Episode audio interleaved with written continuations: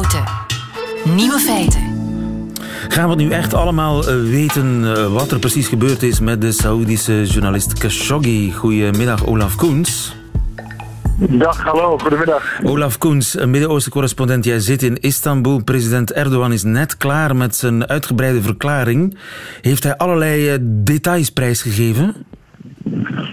Het viel om eerlijk te zijn een beetje tegen. Gisteren kondigde Erdogan met heel veel bombarie aan dat hij eh, de naakte waarheid bekend zou maken over wat er met Khashoggi is gebeurd. We hebben natuurlijk de afgelopen weken heel veel informatie gekregen van uh, de politie, van de inlichtingendiensten. Alles wat er bekend was over deze zaak is gelekt. Maar Erdogan kwam vandaag niet echt met nieuw bewijs. Hij zegt ja, uh, Khashoggi is vermoord in het consulaat. Het is op een gruwelijke wijze gebeurd. En hij zegt het is heel erg duidelijk gepland. Het is voorbereid. Het is met voorbedachte raden gedaan. En hij wil dat de daders daarvoor gestraft gaan worden. Maar de details over hoe dat is gebeurd, waar dat is gebeurd, wie daarvoor verantwoordelijk is of waar het lichaam is, dat werd niet bekendgemaakt. Maar hij weet wel waar het ongeveer begraven zou kunnen zijn, dat lichaam. Maar ook dat weten we dus blijkbaar niet. Hè? Uh, uh, hij zei wel, en dat was de enige beetje nieuwe informatie, dat er blijkbaar een dag voor de moord een team van het consulaat een rondje is gaan rijden door een bos hier vlak buiten Istanbul om te kijken waar ze dan zo'n lichaam zouden kunnen begraven. Um, maar waar dat dan is, dat lichaam is tot op uh, de dag van vandaag natuurlijk niet gevonden. De Saoediërs, die weten dat natuurlijk. Maar Erdogan uh, ja, weet het blijkbaar niet. Ja. En wat natuurlijk heel erg interessant is in deze zaak, is de opnames. Hè. Er is altijd gespeculeerd dat er audio-opnames of misschien zelfs video-opnames zijn van het moment dat Khashoggi gedood is, gemarteld en gedood, in stukken gezaagd. God mag weten wat er met hem gebeurd is. Maar ook geen enkele referentie vandaag aan die tapes of die audio-opnames. Ja, nogthans is er al heel veel materiaal gelekt. Hè? Videobeelden van bewakingscamera's. De dubbelganger van Khashoggi die na afloop van de moord in de kleren van Khashoggi het consulaat verlaat. Dat is ongelooflijk wat er allemaal gelekt is. Ja, dat gebeurt natuurlijk niet zonder reden. Hè. De Turken uh, laten al die informatie vrijkomen om uh, ja, het vuurtje op te stoken. De druk wordt heel erg omhoog geschroefd. Het is natuurlijk zo dat, ja, laten we niet doen alsof Turkije zich nu ineens erg veel zorgen maakt om, om de veiligheid en het leven en welzijn van journalisten. Kijk, uh, Turkije heeft hier iets uit te halen. Turkije en Saoedi-Arabië hebben al heel lang een, soort rivaliteit met elkaar. Dat gaat over allerlei schijven. Maar de belangrijkste is misschien wel...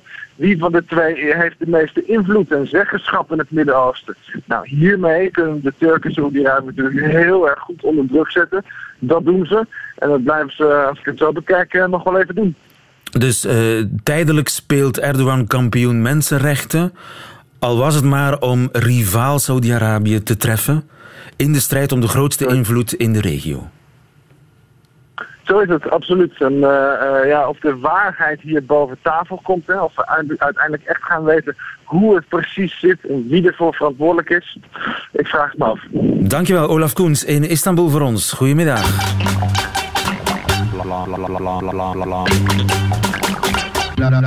Nieuwe feiten. Mochten Bo van Speelbeek en Petra de Sutter mochten zij Amerikanen zijn, dan werden zij voor de overheid straks weer man. Inderdaad, althans als het van de president afhangt. Goedemorgen moet ik zeggen, want ze zit in Florida. Ruud Oldenziel, goedemorgen. Goedemorgen. Hoogleraar genderstudies en Amerikanistiek. Ik ben u in Florida waar u de congresverkiezingen volgt die eraan komen. Tja, Donald Trump wil dat uh, Amerikanen niet langer van geslacht kunnen veranderen. Welke medische ingrepen zij ook ondergaan of ondergaan hebben. Amerikanen behouden hun geboortegeslacht. Tenminste, dat roeptoetert hij. Uh, zal dat ook gaan gebeuren, denkt u? Nou, het is zeker zo waar we het nu over hebben, is dat er uh, binnen het ministerie van uh, Gezondheid uh, een memo circuleert die eigenlijk probeert de regelgeving van Obama te ontmantelen. En die regelgeving als eigenlijk een meer fluïde interpretatie van wat geslacht is. En dat heeft, dat klinkt, linkt heel erg legalistisch. Dat is het ook, maar de, de uitwerking daarvan is heel concreet. want dat valt dan weer onder een wetgeving waarin allerlei programma's, waar scholen bijvoorbeeld subsidie krijgen om sportsprogramma's in te stellen, dat kinderen, scholieren onder die wet uh, dan uh, niet meer subsidie zou krijgen als ze bijvoorbeeld een, een trans student zijn ja, ja. en niet langer bescherming krijgen. Dus het gaat dus nog veel wel... meer, het gaat nog veel verder dan niet langer het legale recht hebben om van geslacht te veranderen. de hele ja, transsector, bij wijze van spreken, wordt getroffen ja. door allerlei pestmaatregelen, zullen we maar zeggen.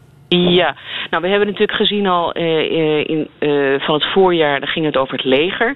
Hè, dat trans mensen niet langer meer in het leger mogen dienen. dat was onder Obama toegestaan. toen kregen we de gezondheidszorg, waar staat niet gediscrimineerd kan worden op basis van het geslacht. Nou, en dan krijg je een, een, hele interpretatie van wat is dan het ge geslacht. En dan krijg je nu een memo die zegt nou, uh, dat geslacht wordt bepaald bij je geboorte. En daar, vanaf dat moment uh, is daar uh, niet meer aan te tornen. En het gaat hier om ongeveer anderhalf miljoen mensen in Amerika alleen. Ja. Ik vind het toch vreemd, want in 2016 klonk de kandidaat Trump nog zo. As your president, I will do everything in my power to protect our LGBTQ citizens ik zal alles doen wat er in mijn macht ligt als president om de LGBTQ-gemeenschap te beschermen. En ja, de T in die hele uh, het staat voor trans. Gender. Ja. Uh, en vandaag horen we een heel ander geluid. Wat, wat is er gebeurd? Waarom doet hij dat? Nou, eh, met alles uh, wat Trump op dit moment doet, is uh, zijn achterban om die een hart onder de riem te eh, steken, om die naar de stembus te krijgen. Uh, want als die niet naar de stembus uh, komen, dan zal de tussentijdsverkiezing, waar het gaat over de macht in het, in het congres en daarmee de macht om al deze wetten ook er doorheen te drukken, die wordt dan ondergraven. en het, het, gaat hier dan over de, de transrechten. Maar hier in, op de televisie gaat het eigenlijk dagelijks ook over ja, rassenverschil, genderverschil. En dat zijn hele neonazi-geluiden die tot dusver nooit mogelijk waren in Amerika. en nu is het orde van de dag. En daar hoort dit onder. En hij wil daarmee scoren bij een bepaalde achterban die anders de weg naar het stemhokje niet vindt de, zo zou je dat kunnen zeggen. En daar hoort ook uh, de hetze tegen immigranten bij. Uh, daar hoort de hetze tegen de MeToo-beweging bij. Daar hoort de, de, tegen de Black Lives Matter-beweging hoort waarbij. maar je kan zeggen dat is misschien opportunistisch, maar in dit geval waar het gaat, het is niet alleen maar het roeptoeteren zoals je dat zo mooi zegt. Uh, het gaat hier wel over een memo, een hele concrete memo die dus uh, het ook uh, in de rechtszaal gaat veranderen. Ja. en daarmee is het meer dan alleen maar een Twitter. En ja, transgenders die zijn zelf electoraal verwaarloosbaar. Dus dat die nu heel boos zijn op uh, Trump of hun supporters, dat maakt eigenlijk niet zoveel uit, want die stemmen toch al democratisch. Dus hier, zit eigenlijk, hier wordt echt electoraal voetbal gespeeld met mensen en hun gevoelens. Uh, dat is absoluut zo en dat is ook de calculatie. En wat ook heel erg belangrijk hierin is dat uh, ik spreek nu allerlei republikeinen die ik ook in 2012 ontmoette en 2016. Uh, en die zeiden: Ik ga nooit op Trump stemmen in 2016. en die hoor je nu eigenlijk zeggen twee dingen.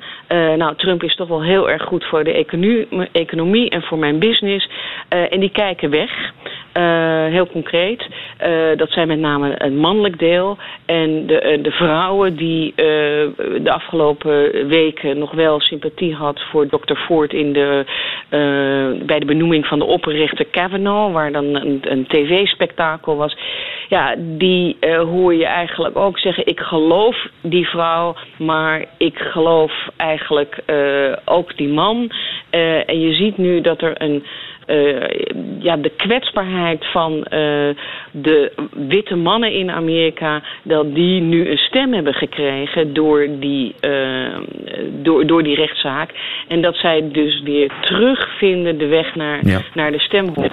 Want tot zes maanden geleden was dat deel, de, zeg maar de never Trumpers zoals dat heet, dachten erover om democratisch te gaan stemmen. En dat ziet er naar uit dat die weg nu afgesneden is. Dus je ziet wat het effect daar toch van is. Ja, de, de bange witte man die uh, moet naar, de stem, naar het stemhokje. Over twee weken is dat, geloof ik, uh, de congresverkiezingen in de Verenigde Staten. En alle middelen zijn goed. Dankjewel in uh, Florida voor ons Ruud Oldenziel. Goedemiddag. Radio 1. Nieuwe feiten. Eten zoals in het stenen tijdperk. Zou u dat zien zitten? Wel, ik ook niet. Maar Diederik doet het. Diederik Pomstra is archeoloog en hij doet het voor de wetenschap. Dag Diederik. Goedemiddag. Wat heb je vandaag al gegeten? Mag ik dat vragen? Ja, vandaag was een beetje een slechte dag. Want gisteren had ik allemaal andere klussen, dus ik kon eh, mijn, mijn, eten niet goed organiseren. Dus vanmorgen was het saaie nootjes en uh, kleine appeltjes. Dus dat was een beetje slecht. Maar straks uh, ga ik aan de soep beginnen. Soep? Ja, soep van... Hadden ze in stenen tijdperk soep? Nou, ik hoef, ik hoef niet per se moet ik eten wat precies men in het stenen tijdperk at. Dat weten we ook grotendeels nog niet.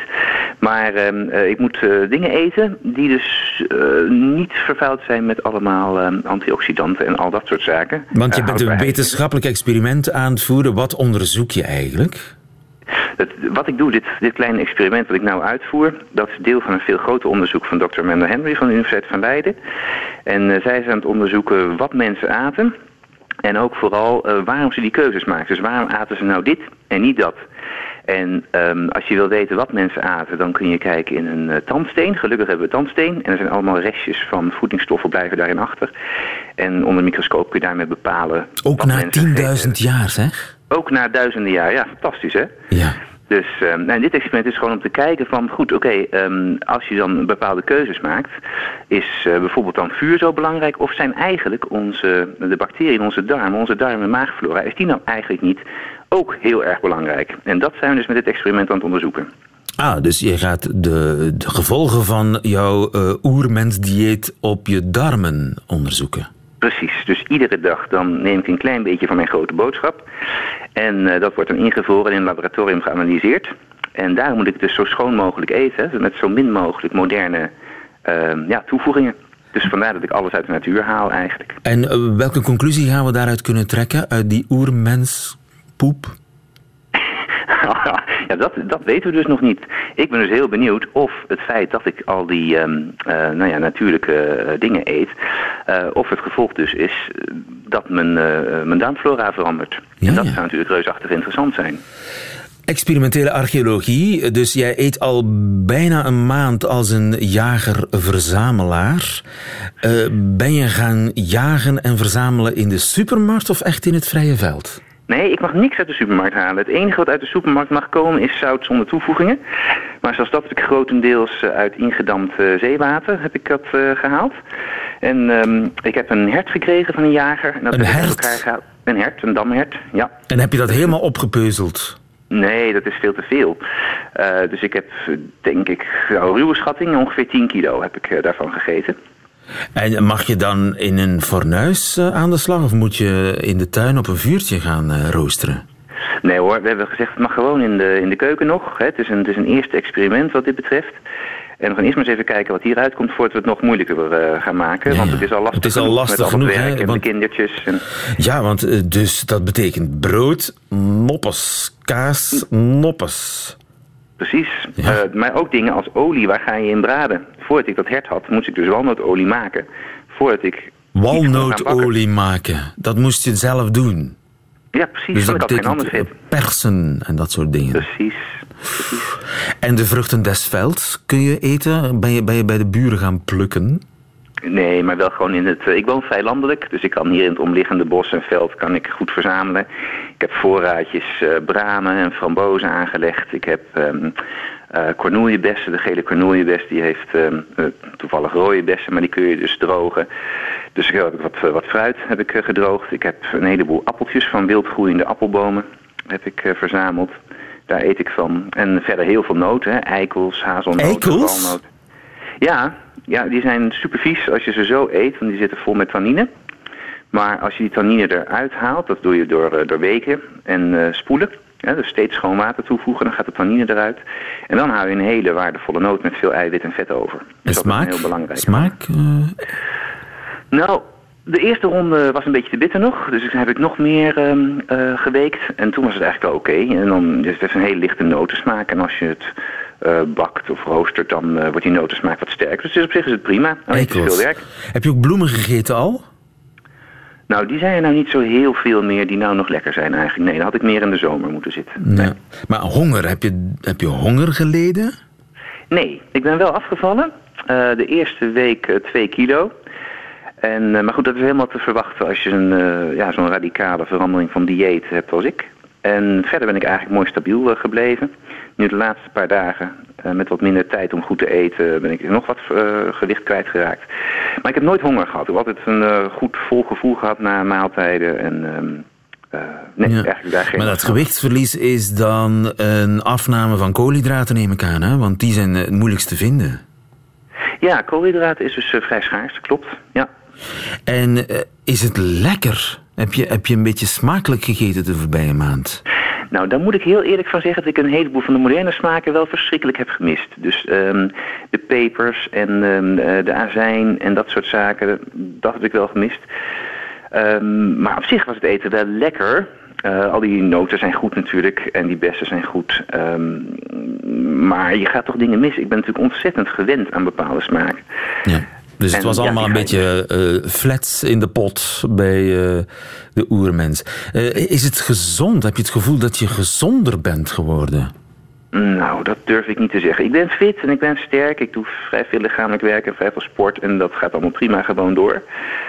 Maar ik merk niet dat ik nou fitter of sterker geworden ben of minder. Dus het is een beetje hetzelfde. Maar je bent enorm aan het uitkijken naar je eerste boterham met kaas. eh, ja, precies. Oh, Ja, dat- een Nederlandse kaas. Wat staat er nog op het menu vandaag? Eh, nou, vanmiddag dus soep van ehm, de afgetrokken botten van de, eh, van, de rug, zeg maar, van het, van het hert. Met wat wilde planten erbij, wat look zonder look. Hè. Dat smaakt een beetje als knoflook. En ik heb nog wat wilde uien die ik ge- gegraven heb. ehm. En even kijken, ja, wat, wat brandnetel en zevenblad en zo. Dat voeg ik altijd toe als ik nog een beetje eh, weinig groen heb in de pot. Ja. Dus dat ga ik eten. En ik heb wat parasolzwammen geplukt net. eh, die gaan er door. En vanavond ehm, heb ik nog wat vlees van een voorpoot staan. met, met grote kliswortels. En ik denk een salade. Je van, bent nog eh, altijd aan dat ene hert aan het eten, zeg. Ja, het is ongelooflijk, hè? Eén hert. Genoeg voor vier weken. Vier weken, maar ehm, je mag het wel invriezen dan. Ja. Ah ja, dat, dat mag. Dat mag. Ja, Ja, dat mag. Het is, het is niet helemaal, helemaal in alle details eh, zoals de jagers-verzamelaars eh, aten, maar toch eh, qua ingrediënten zeker. En de resultaten van het onderzoek die moeten we nog afwachten. Ik mag je van harte feliciteren en veel succes wensen met het onderzoek. Ja, hartstikke bedankt. Dankjewel, Dieter Pomstra. Goedemiddag. Dag. Nieuwe feiten.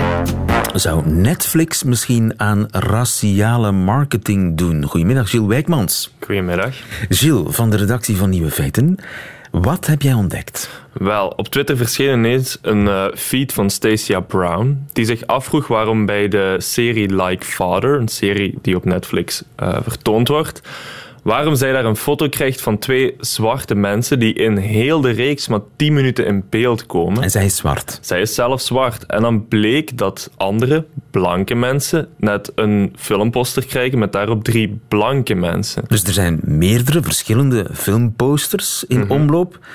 Ja, op maat van de huidskleur van de klant. Wel, ik heb het geluk dat ik een zwarte broer heb. Die is geadopteerd uit Haiti. Dus ik kon het een beetje zelf uh, proefondervindelijk is. Dus jullie hebben eigen, zelf, zelf in jullie uh, familie aparte Netflix-accounts? Ja, dus ons gezin heeft één collectief Netflix-account en iedereen kan zijn eigen account daaronder maken. En jij kunt ook op het account van je broer. Ah, wel, dat heb ik eens gedaan. En ik ben eens, gaan, en ik ben eens gaan kijken wat de verschillen waren. En er is één uh, heel groot verschil. Bijvoorbeeld bij de film uh, Transformers Dark of the Moon.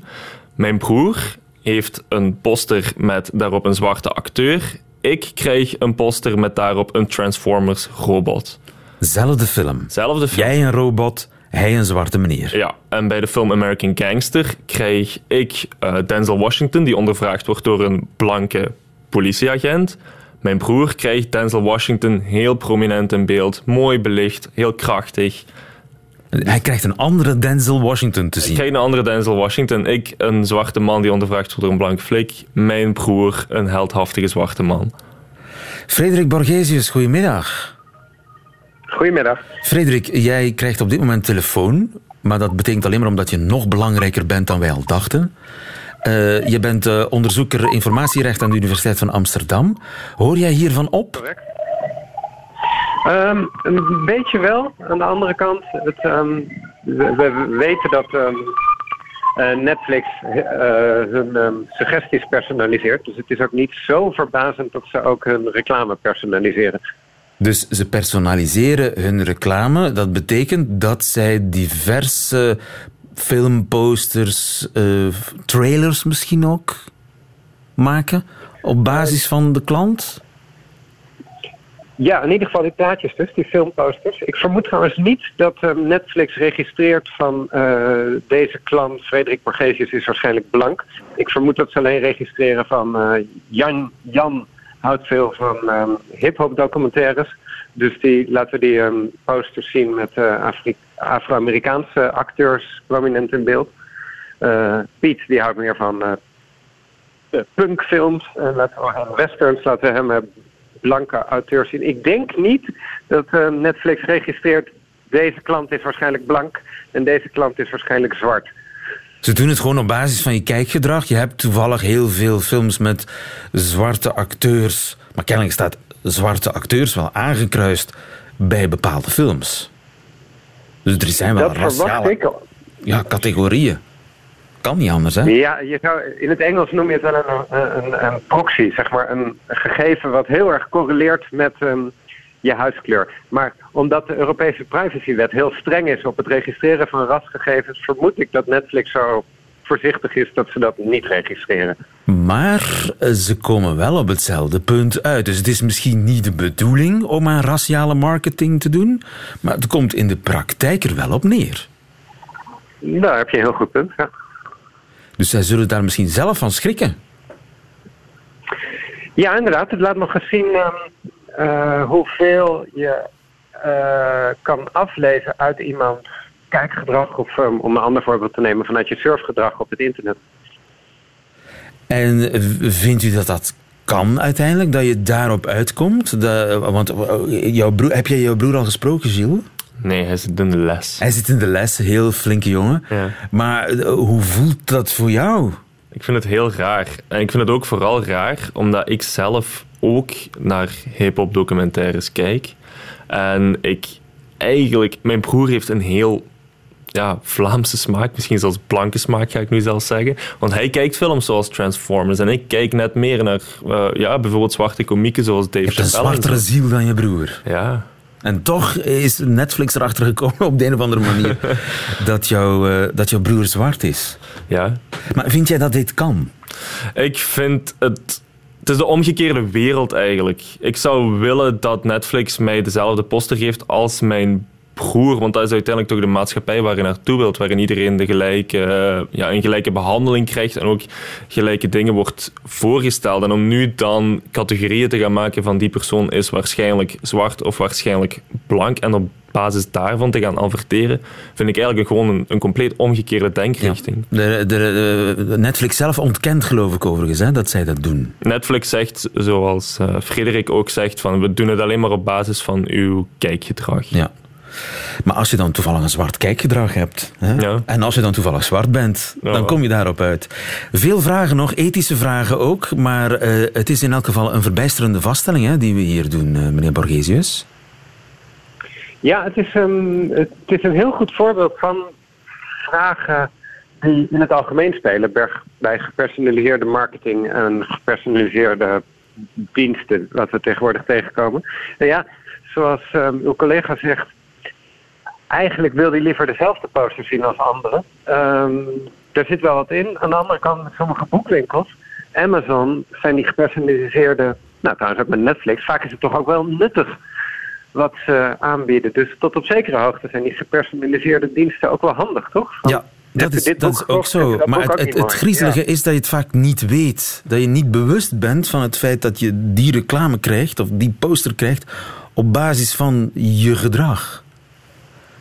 Dat speelt hier inderdaad ook. Mijn vermoeden is dat Netflix een redelijk net eh, bedrijf is. Maar inderdaad, het het zou maar minder pijnlijk zijn als we wisten Ja, waarom. dat er wat meer transparantie bepaalde acteur- eh, ja, was. Ja, het is een goed voorbeeld van, ehm, van hoe wat, dat het vaak zwarte dozen zijn, hè, die computers van die eh, marketing. Ja, Frederik Borgesius, dankjewel. Ook Gilles Wijkmans, goedemiddag. Nieuwe feiten. Het was me weer een roetsbaan van eh, verwondering, verbijstering naar verbazing. Deze nieuwe feiten. Maar u heeft nog niets meegemaakt. Want u moet nog de nieuwe feiten hebben van de Amerikaanse comedienne Jovan Castile in het middagjournaal. Nieuwe feiten. Middagjournaal. Er lag een vreemd stuk Vlaams fruit voor mij op tafel. Een gratis kweepeer die ik in een gratis kweeperdos had gevonden. De kweepeer zag eruit als een grote peer, maar was even zwaar en hard als een kasseisteen.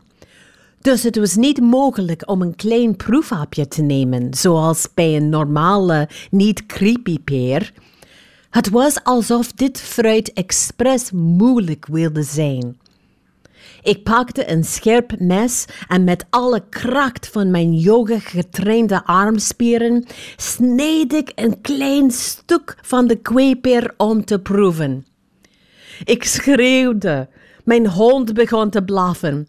Mijn man kwam in paniek de keuken binnen terwijl ik bleef schreeuwen en mijn mond aan het spoelen was. Oh, dat fruit smaakt naar vuile sokken die in azijn zijn geweekt, riep ik. Ja, zei hij, je mag kweeperen nooit rauw eten, maar ze zijn kei lekker in een taart. Mmm.